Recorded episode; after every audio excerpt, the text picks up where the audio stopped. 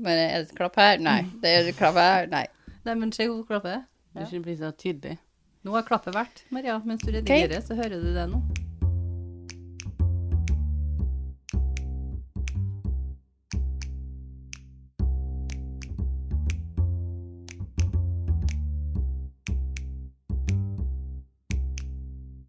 Hei, hei, alle sammen. Du hører nå på oss anonyme mørkeridde i en liten pause. Det er meg, Maria, og søstrene mine. Andrea. Og Martine. Eh, Beklager at denne episoden er litt forsinka, men livet har jo da vært veldig fullt opp de siste ukene, og vi har ikke helt klart å komme oss eh, Med hodet over vannet. Nei, i forhold til podkasten, da. Eh, I hvert fall ikke den graden vi skulle ønske, så nå sitter vi da og tar opp en episode som skal ut fortest mulig. Ja, I morgen helst. I morgen helst. I går helst. Ja. Egentlig. I dag helst.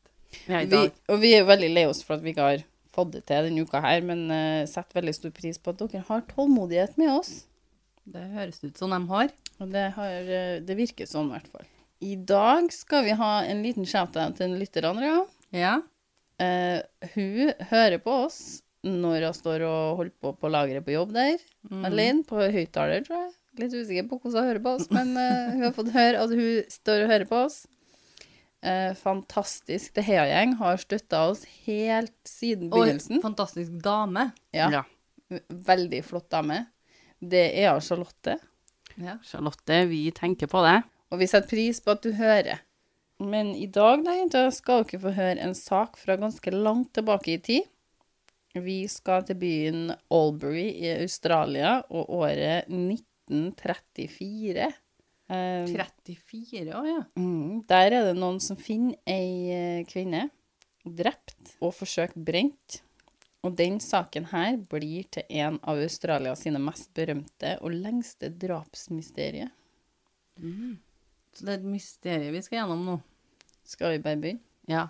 Ifølge Medium sin artikkel om saken, så går en ung bonde hjemover den 1. september i 1934. Bonden her, han går hjemover på How Long Road. Et spørsmål. Ung eller ond? Ung. Ung, ja. Og så går han hjemover på How Long Road med familien sin prisvinnende okse, da. Han går litt sånn i veikanten sånn, for at uh, oksen skal få gresse litt mens han går, og det er da han da kommer over en delvis brent kvinnekropp, som var dytta inn i et avløpsrør som gikk under en vei. Et sånt ganske stort et, vet du. Kloakk. Eh, Ja, det er jo ikke egentlig kloakkrør, men litt sånn vannrør, tror jeg, som, som leder bekken og Ja, Ja. ja. Et sånt et. Så skjult, på en måte. Ja. Rettsmedisinske rapporten som følger denne grusomme oppdagelsen denne unggutten gjør, da, forteller at kroppen var veldig brent. Hodet hennes er forslått, veldig forslått, mest sannsynlig med en stump gjenstand. Og hodet er tulla inn i en håndduk. Ene øyet er helt ødelagt, og rettsmedisineren finner ei kule som står i nakken på henne, og finner ut at hun er skutt gjennom øyet sitt. Men rettsmedisineren konkluderer da med at det var skadene til hodet og de påfølgende skadene på hjernen hennes som er dødsårsaken, ikke skuddskaden. Oi. Rettsmedisineren beskriver også alderen til å være mellom en 20-30 år. Uh, hun var ei slank jente med lyst brunt hår og blå øyne. Det er hint til at hun var av en velstående rang. Ja, for i her tida så er det litt mer sånn For jeg var jo 39. 34. 34, ja. Da var, vistes du at du var rik. Ja. Eh, Så, så det de liksom ser, er at mye av ansiktet er ødelagt av skadene, men det går an å se at øyenbrynene er plukka og tegna inn på et vis.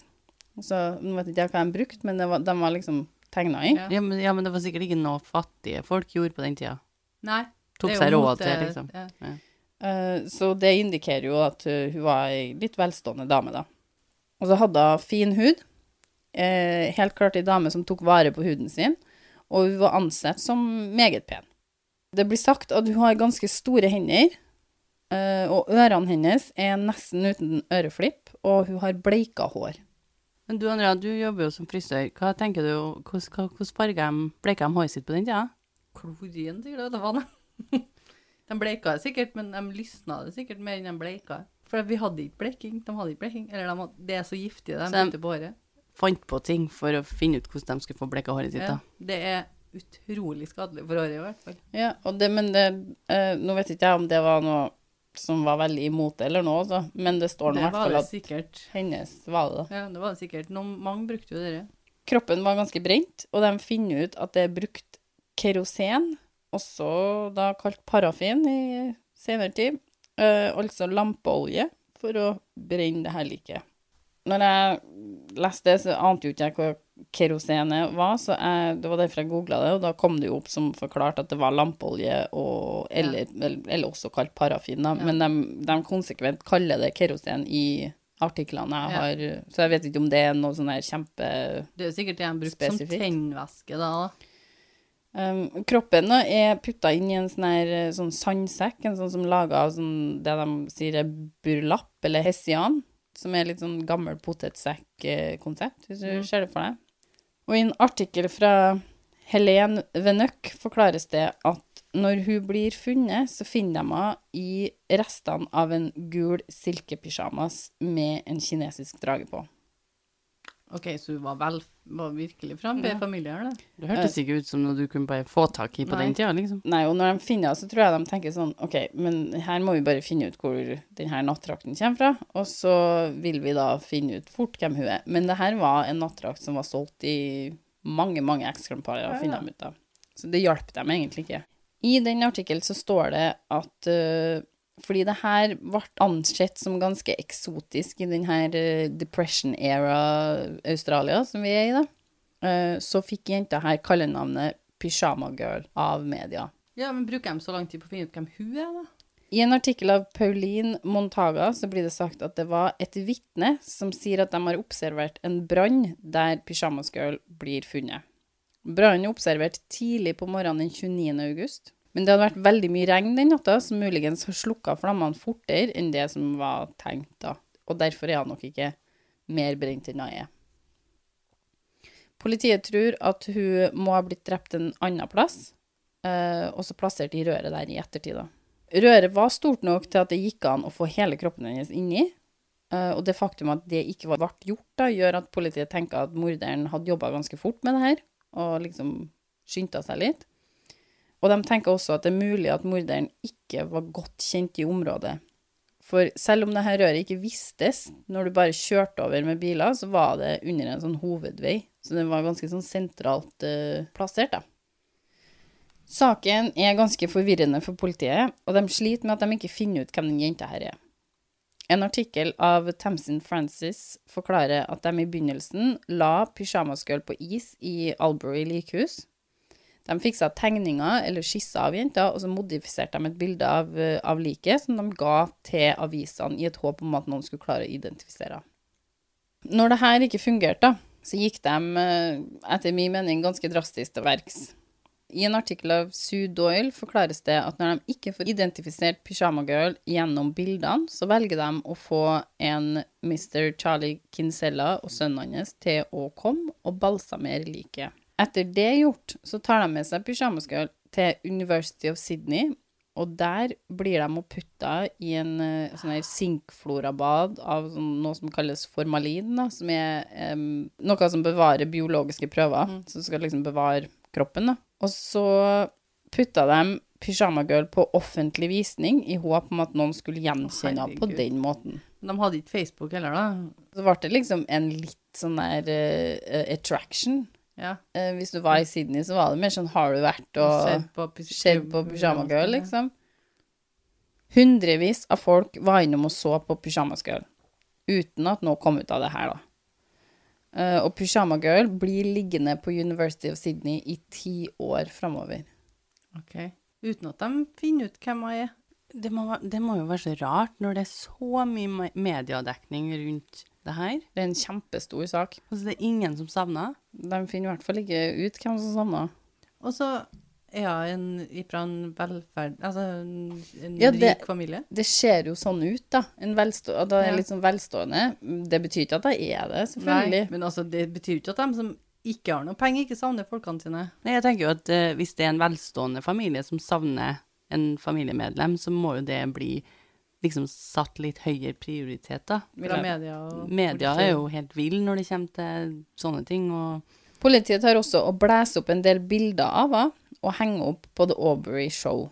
Og de får inn masse anonyme tips som peker på lokale menn som er mulige mistenkte i saken. Hvordan er hun etter at hun har balsamert, og ser hun lik seg sjøl ut, liksom? De, det er mange som sier at det at jeg, faktum at jeg er brent, da, for deler av ansiktet hennes òg er brent, som gjør at uh, hun har endra litt uh, utseende, vil de tro, og så er hun puffy i ansiktet. Uh, så jeg tror nok at utseendet er endra på et vis, men jeg tror at hvis noen kjenner noen, så hadde de jo klart å se at De hadde gjen gjenkjent henne hvis de visste hvem hun var, på en måte. Ja, det tror Jeg jeg jo. hvis du savner noen, så Ja, så hadde jeg jo på å og sier 'det her er jo min unge'. Men Er, det noen som kommer opp og sier er, er, liksom, 'Jeg tror det er min datter', eller 'Jeg tror det er i slekt med meg'? Ikke så langt. Uh, så de her, de politiet får jo inn masse anonyme tips da, som liksom sier 'han har gjort det, han har gjort det, han har gjort det'. Uh, og politiet ender opp med å sjekke ut hundrevis av tips uten å komme noe nærmere i forklaring på hvem pyjamasgirl er, eller hvem som har drept henne. De tok annet og sjekka ut alle kvinner under 40 som ikke stemte ved valget uka pyjamasgirl forsvant, i håp om å finne ut hvem hun var på den måten. da. Oi.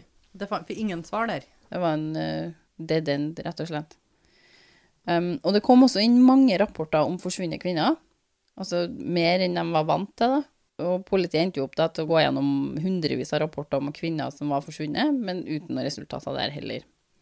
Og i ei sånn her nyhetssending, eller mer en sånn her pyjamasgirl newsreel, da, som eh, ligger på NFSA sine sider, så forteller en journalist i 1939 om drapet på pyjamasgirl. Og denne newsreelen her da, er ansett som å være den første true crime-dokumentaren til Australia. Og den var fra 1939.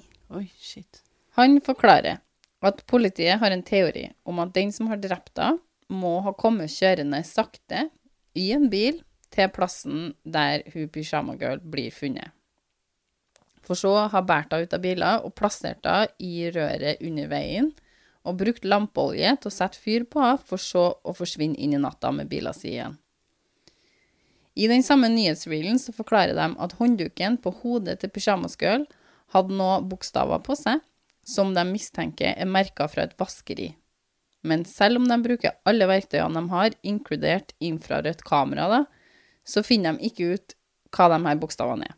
Og ledetråden går ikke videre fra det, da. I Helen Wenneck sin artikkel så blir det sagt at i 1935, året etter pyjamasgirl blir funnet, så kommer en mann og forklarer at han tror at hun kanskje er en venn av han. Ei Linda Agostini, som hadde forsvunnet i august 1934. Linda var gift med en mann som het eh, Antonio, en italiensk immigrant, og han får se pyjamagirl og sier at det ikke er kona hans. Flere som kjenner Linda, er å sjekke, og flere sier at det ikke er Linda som er pyjamagirl.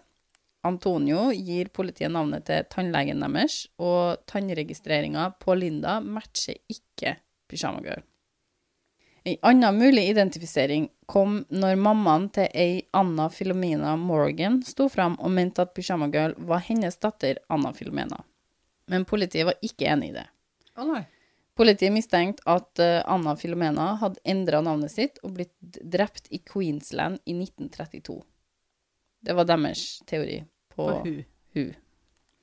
Hadde de noe å gå på der, liksom? Eh, Hadde de funnet en kropp, liksom? Nei, det vet ikke jeg. Det var bare det som sto i denne artikkelen, at det var derfor de, de slo fra seg den ganske fort, da. Litt spesielt, men OK.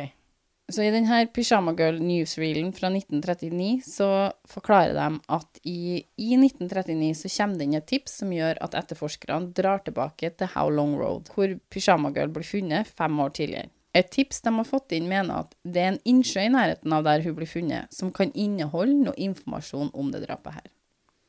Hvor de får den informasjonen ifra? Eh, Det er et tips de får inn, OK. så det kan ha vært hvem som helst. okay. tenker jeg. Men det er et tips som fører dem tilbake igjen til How Long Road og den innsjøen her. Så etterforskerne drar til innsjøen med brannvesenet, og så tømmer de den for vann. Mm. Der i leira finner de faktisk deler av en silkekjole, noen sko, noen slipperser og en bluse. som kunne ha tilhørt Pyjama Girl ut ifra størrelsen de var i. Ja, er det noen som har tatt på nattdrag etterpå, da? Nei, jeg, Andrea jeg vet ikke, Dette var et tips, og så fant de jo de klærne her som matcher da størrelsen til hun Pyjama Girl. Eh, og så er det noen flekker på silkekjolen som de har en teori om kanskje kommer fra blod. Eh, videre inn i denne newsreelen så forklarer de at skoen som blir funnet, er nesten ikke brukt.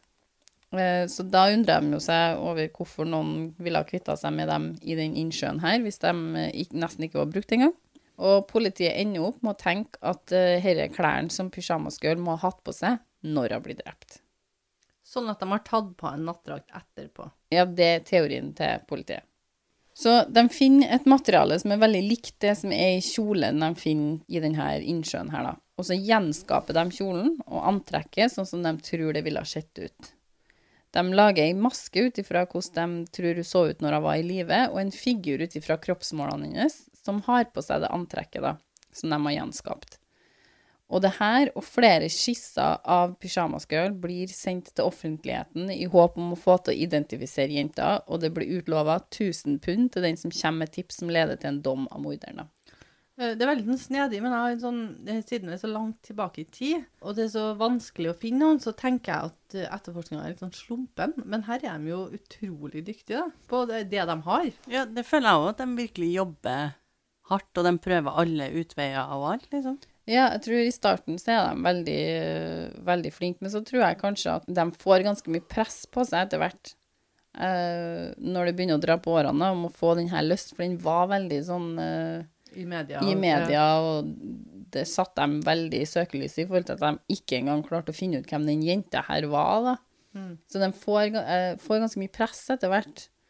Men de tømmer jo en, en eh, innsjø og eh, et en nytt ansikt i forhold til hvordan det var. Og, Ja, ja, de jobber på. ja.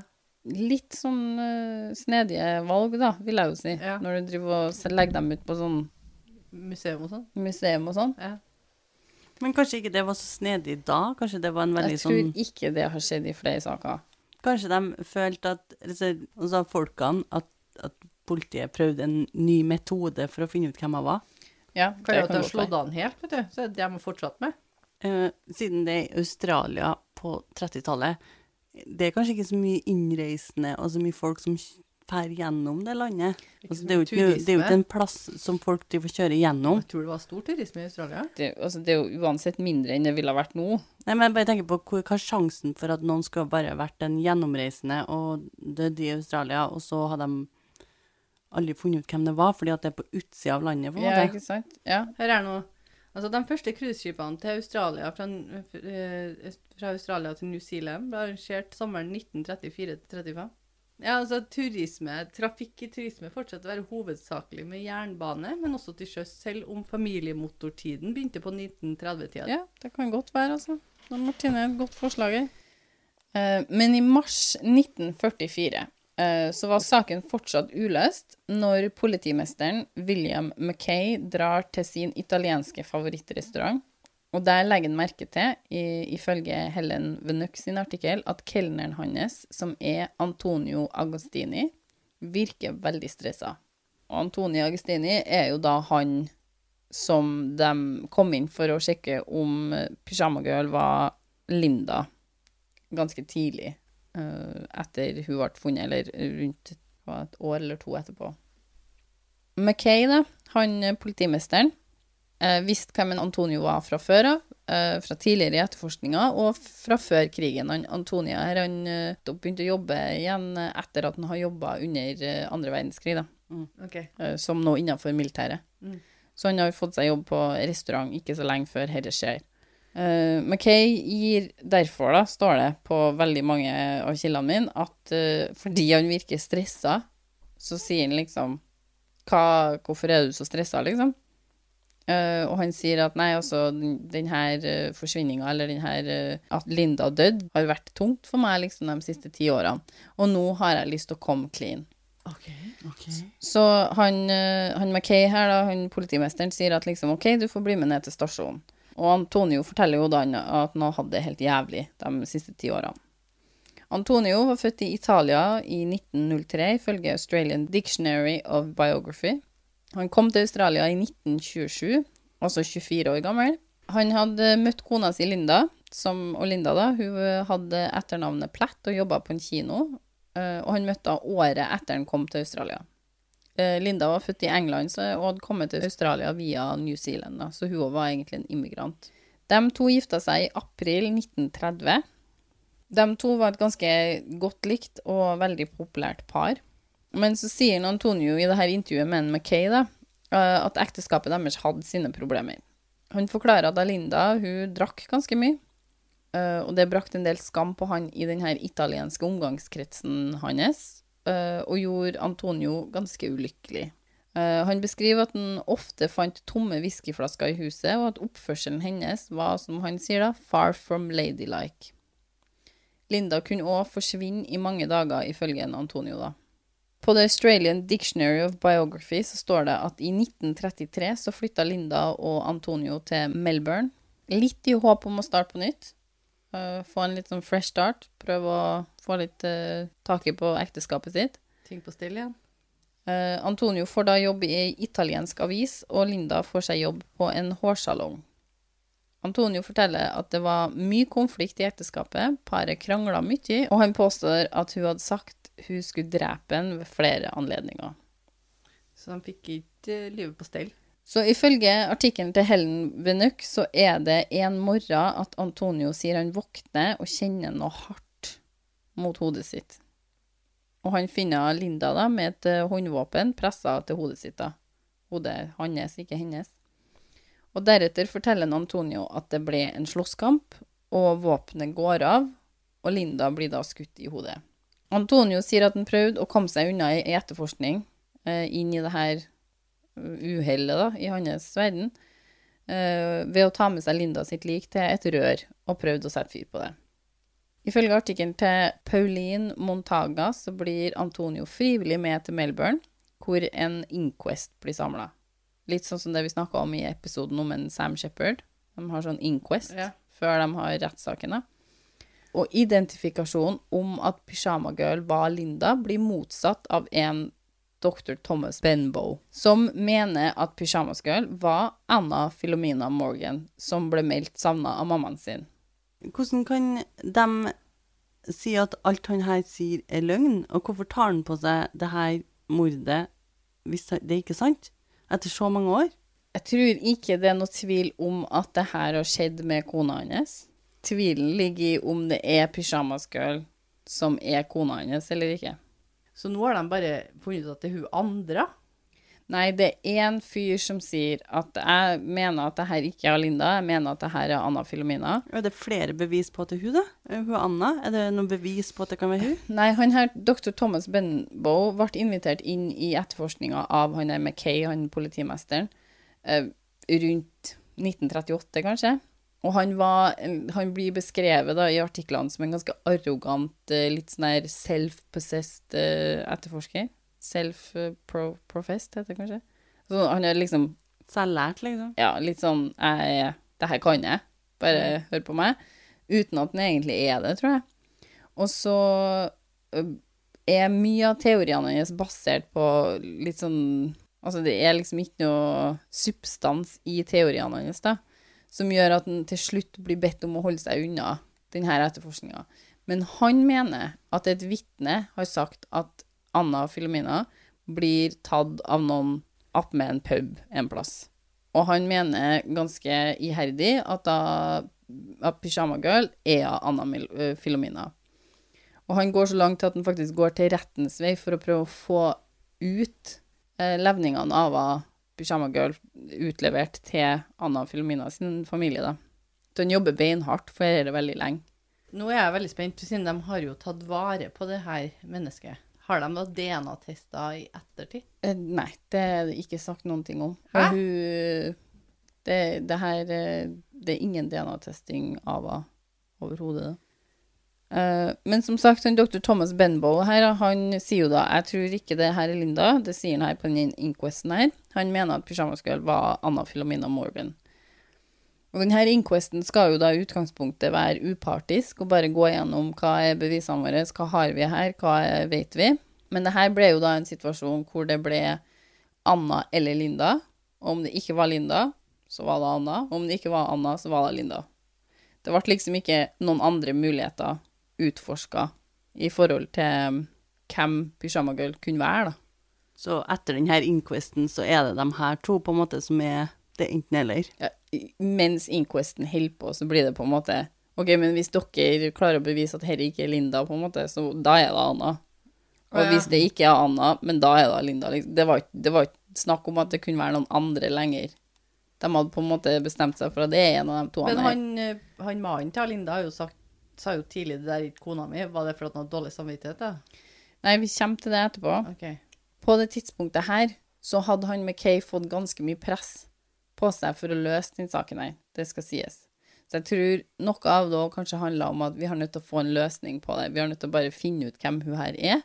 Og de landa egentlig på de to her alternativene. Ja. Rettsmedisineren, da, sier på det her tidspunktet, eh, under den inquesten her, at selv om det er sagt at Linda sitt tannregister ikke matcha før, så matcher det nå. Og det blir forklart med at det var noen tannfyllinger som hadde falt ut, da, som gjorde at de ikke matcha for ti år siden. Men eh, de matcha nå ti år etter, da, fordi nå hadde de jo funnet ut at de her tannfyllingene mangla. Så nå matcha de her tannregistrene. Men kan det ha noe med at, eh, at de har lært noe på de her ti årene? At det, nå vet vi jo at det er sånn det ser ut når tannfyllinga har datt ut, f.eks. Det er mulig, men uh, han, her, tannlege visst, da. han tannlegen var ikke spesielt god på før noe register. Altså, han var mer sånn 'jeg gjorde det samme med hun som jeg gjør med alle andre'. Liksom. Det, er ikke noe, var, det var ikke noe gode dokumentasjon på, Journal- på hvordan uh, Pasientjournaler. Nei. Han, uh, den Men hun jobba som frisør. Ja. Og Nei, Hun jobba ikke som frisør, hun jobba på en hårsalong. Ja, Ja, og der er det noen som kan jeg- hjelpe ja. deg å bleke håret. Jeg Mm. tror ikke at det var så jævla normalt. Nei, det er ikke sikkert. det, Der kjenner jeg noen som har noe, noe informasjon og kunnskap om å bleike håret. Ja. Ja. Men han Antonio blir arrestert, og han blir stilt for retten.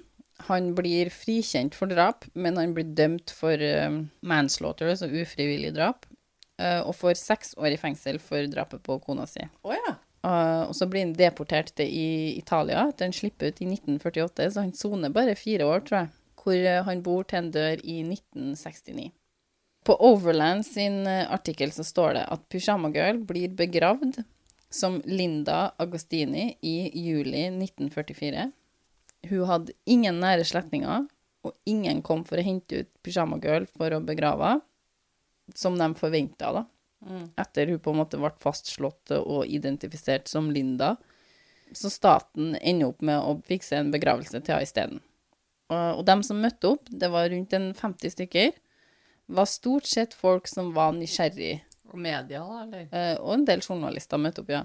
Jeg håper jo at noen møtte opp for å på en måte bare være liksom Hun fortjener å ha noen i begravelsen sin, men det var nok en, en form for ganske mm, sånn morbid eh, nysgjerrighet ute gikk da. Og spesielt òg fordi du hadde ligget på sånn Her sitter vi og tar opp en episode om det, så det er ganske morbid av oss, vi òg. Presten som hadde begravelsen, var jo, sa jo sjøl at han var supersjokkert over at noen tok med seg ungene sine, bare små unger var med på den begravelsen her. Og siden det ikke var noen slektninger eller venner til stede, så stilte fire journalister opp som, som pallbærere. da. Neimen, sorry, det var jo litt Hyggelig. Ja. Jeg vet ikke.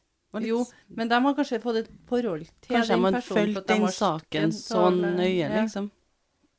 Jeg syns jo det hørtes veldig hyggelig ut av dem, da. Jo, men det var, det var noe som Ja, det, det var, jeg tenkte først jeg tenkte det var hyggelig, men så tenkte jeg Men også- og veldig trist at Ja. ingen, ingen var der. For hun hadde jo, hun Linda her hadde jo folk som hadde prøvd å identifisere hun Pyjama Girl, mm. Eh, og sagt at det ikke var hun og sånt. Men det er jo ti år etterpå her, da. Jo, så- så kan det være at de har eh, tenkt at det ikke er litt, da. De Ja, har jo sagt nei være. allerede. Mhm. Så, men dere har jo konstatert at det er hun, men jeg tror ikke at det er hun. Så har de bare valgt å ikke delta. Men jeg, jeg syns at det er rart, for da kunne de jo båret kista for de, da. Eh, saken om Pyjama Girl er jo da offisielt skjedd på som en lukka sak, eller en, en løst sak, da. Eh, og hun er jo be da begravd som Linda Agostini. Eh, men det har vært mange teorier rundt hvem Pyjama Girl var, og ikke alle er enig i at det var Linda, altså. I 2004 blant annet så blir det publisert en bok som heter The Pyjama Girl Mystery, A True Crime Story of Murder, Obsession and Lies, av en eh, kriminolog, dr. Richard Evans. Han poengterer i boka si at det er mange ting som indikerer at Linda ikke var Pyjama Girl. Pyjama Girl var ei lita, spedbygd jente. Hun hadde blå øyne og små bryst. Linda hadde brune øyne og ganske store bryst. Ja, bare, da tenker jeg bare å avslutte den saken med en gang. Altså, det er jo ikke hun, da. Uh, de hadde begge det de refererer til som litt sånn uvanlige ører ved at de mangla den der øreflippen sin. Uh, men det er jo ingen fotobevis av Linda sine ører som kan brukes til noe sånn sammenligning i forhold til. Pyjama Girl. Da. Så det, er, det kan de jo verken utelukke eller innelukke, skal du si. I artikkelen til Pauline Montaga så forklares det at uh, ved denne inquesten de hadde, så er det da noen ekspertvitner som vitner. Og de overbeviser rettsmedisineren at Linda sine øyne, som er brune, som jeg sa, kunne ha blitt blå etter å ha dødd. Og at uh, brystene hennes kunne ha krympa etter å ha blitt brent. da. Og det her overbeviser de rettsmedisineren om uten å ha noe tidligere erfaring om at det er mulig at det skjer. Altså, det er ikke noe sånn Se på denne saken her skjedde, på en måte. De bare klarer å overbevise rettsmedisineren om at liksom, det er jo da en mulighet for at dette har skjedd. Kanskje de ikke visste Nei. om det ikke var mulig heller. Rettsmedisinerne har jo sikkert sagt ja, det kan være mulig. Videre står det at under rettssaken så uttaler de mest respekterte ekspertvitnene seg. Poengtert at dette var respekterte ekspertvitner. Andre var bare ekspertvitner. Så sånn de hadde eh, penger, dem. Jeg vet ikke. Uh, og de sier at skadene til hodet til Pyjama Girl kan ikke ha kommet av noe uhell. De er et resultat av at noe tungt hadde blitt som et, brukt som et våpen, da. Sier de her respekterte ekspertvitnene.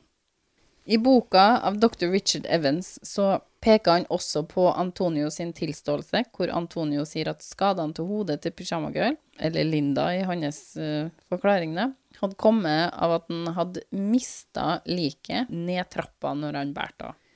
Og han sier ikke noe om de her skadene før politiet tar han med til huset, som han har forklart at dette hadde skjedd i, og politiet spør han om hvordan skadene til hodet hadde oppstått. Da kommer han liksom på det. Ja, og ja, det må jo ha vært når jeg mista. Og han sier at det er en revolver som var våpenet han hadde våkna og sett Linda med, og som Linda blir skutt med. det. Eh, Men Pyjama Girl var skutt med en pistol. Og Antonio hadde militær bakgrunn, som jeg sa tidligere, og derfor er det da grunn til å tro at han ville ha visst hva forskjellen var på de her to våpnene. Ifølge Unsolved True Crime sin artikkel så er det flere ting som ikke stemmer i forhold til Antonio sin forklaring. Han forklarer at han bruker bensin for å tenne på liket. Eh, og som jeg forklarte dere i stad, så var det jo kerosine, eller kerosine, lampeolje, som var brukt. Mm. Han forklarer også at han eh, tar av før Albury når han kjører, for å kvitte seg med liket. Og for å komme til der Pyjama Girl blir funnet, så må man kjøre rett gjennom byen, og ikke ta av før man kommer til Albury, hvis man kjører fra Melbourne, der han bodde. Men eh, så det de påstår, er at historien hans ikke er sann, eller ligger det brent en annen plass?